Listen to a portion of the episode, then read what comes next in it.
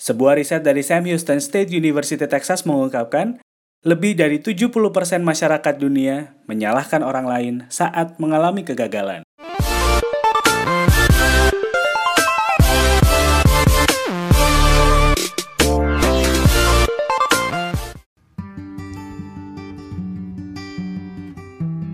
Halo, saya Fendi Rahman.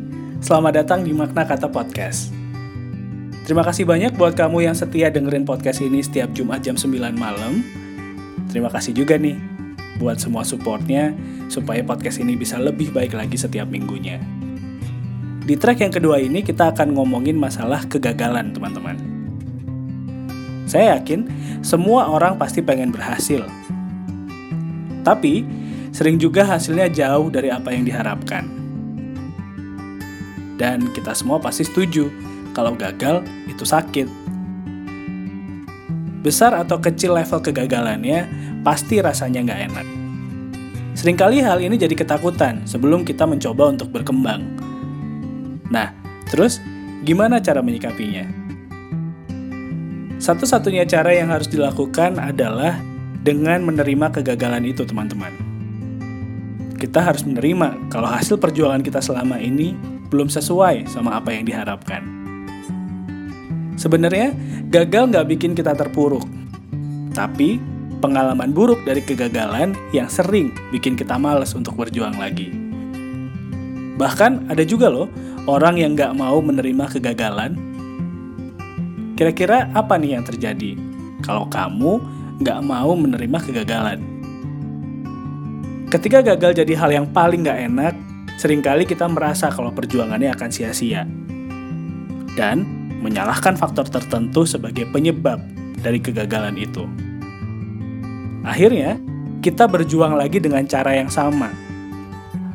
Malahan, kita akan tetap melakukan apa pun demi ego kita.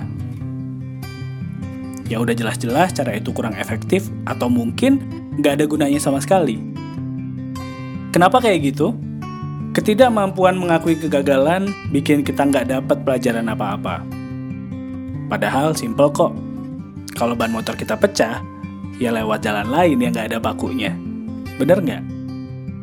Artinya, kalau nggak mau gagal lagi, lebih baik koreksi dan coba dengan cara yang lain.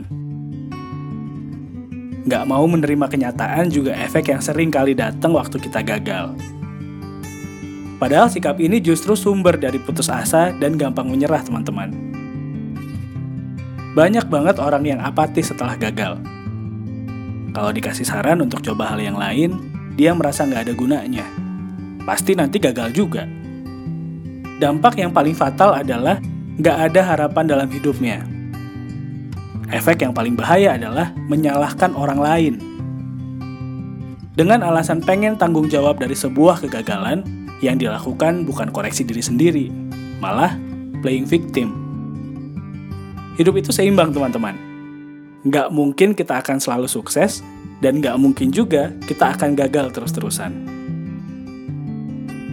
Nah, sekarang apa yang kamu dapat ketika bisa menerima kegagalan? Yang pasti, kamu akan lebih positif melanjutkan perjuangan yang baru. Dengan modal pikiran positif, saya yakin akan banyak ide baru yang lebih kreatif yang bisa kamu dapat. Dan bikin kamu lebih hati-hati juga untuk ngambil keputusan. Yang harus kita ingat, dalam sebuah perjuangan, hasilnya nggak cuma sukses. Gagal juga bagian dari hasil, teman-teman. Dan gagal bukan ukuran mutlak untuk kemampuan seseorang. Jadi, kalau gagal, kamu siap nggak untuk nerima? Kalau kamu punya ide yang seru untuk dibahas minggu depan, boleh lo kasih tahu saya di Twitter dan juga Instagram @vendirahman atau kirim emailnya di vendirahman@gmail.com. Terima kasih sudah mendengarkan makna kata podcast. Saya pamit. Ketemu lagi Jumat depan ya.